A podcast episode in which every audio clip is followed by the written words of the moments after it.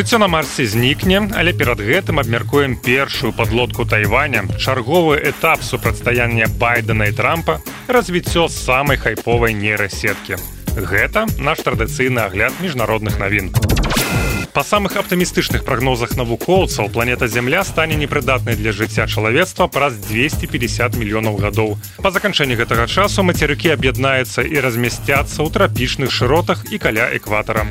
А гэта разам з глобальным пацяпленнем прывядзе да таго, што 96 процентаў сушы планеты стане непрыдатнай для жыцця якіх-небудзь млекакормячых.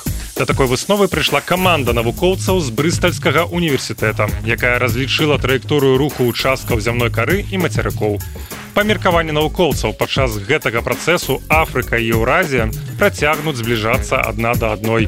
З абодвух бакоў сціскаючы ў кола аравійскі паўвостраў, пасля чаго аб'яднаны афраеўразійскі кантынент урэжацца ў Амерыку. Атлантычны акеан у выніку гэтага руху стане двумя морамі, адно з якіх будзе знаходзіцца паміж сучаснай канадай і габонам другое паміж цяперашнімі мексікай і паўднёвай афрыкай. Мадагаскар апынецца заціснутым паміж афрыкай і бразіліяй. Тайвань прадставіў першую подлодку ўласнай вытворчасці. Судна спусцілі на ваду а з кастрычніка яно будзе праходзіць выпрабаванні ў моры Президент Цай Інвень заявіла, што пабудова лодкі з'яўляецца знакавай падзеяй, бо яна была поўнасцю сканструяваная і зробленая ў Тайване. Падводная лодка важная рэалізацыя нашых канкрэтных абавязательстваў у абароне нашай краіны.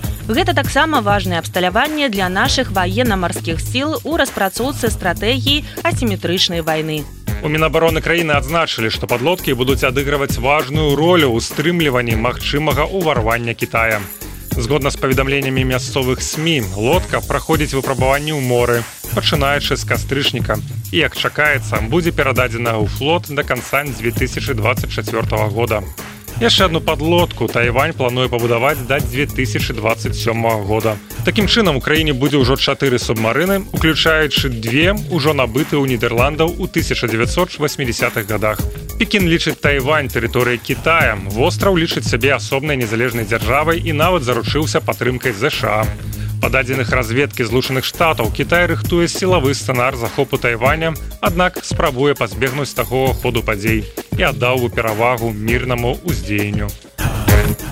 Прэзідэнт ЗША Джо Байден падчас прамовы ў Арызоне назваў былога кіраўніка дзяржавы Дональда Трампа і ягоных паплечнікаў па рухе Make America Great Again пагрозай дэмакратыі.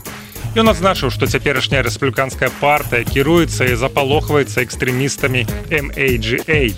І калі іх парадак дня будзе рэалізаваны, то інстытут амерыканскай дэмакратыі карэнным чынам зменіцца.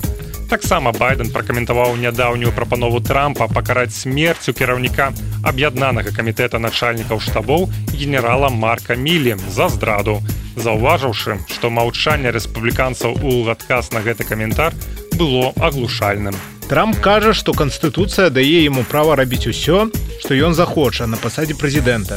Я ніколі не чуў, каб прэзідэнты рабілі ўсё, што ім уздумаецца. Я ніколі не чуў, каб прэзідэнты з гэтага жартавалі. Наперададні выбарчай гонкі адносіны паміж байденам і трампам асабліва абвастрыліся. Былы прэзідэнт заяўляе, што ўсе судовыя справы, адкрытыя супраць яго, з'яўляецца палітычнай расправай у той час як байден заклікае грамадства не давяраць трампу з прычыны яго верагодных правапарушэнняў.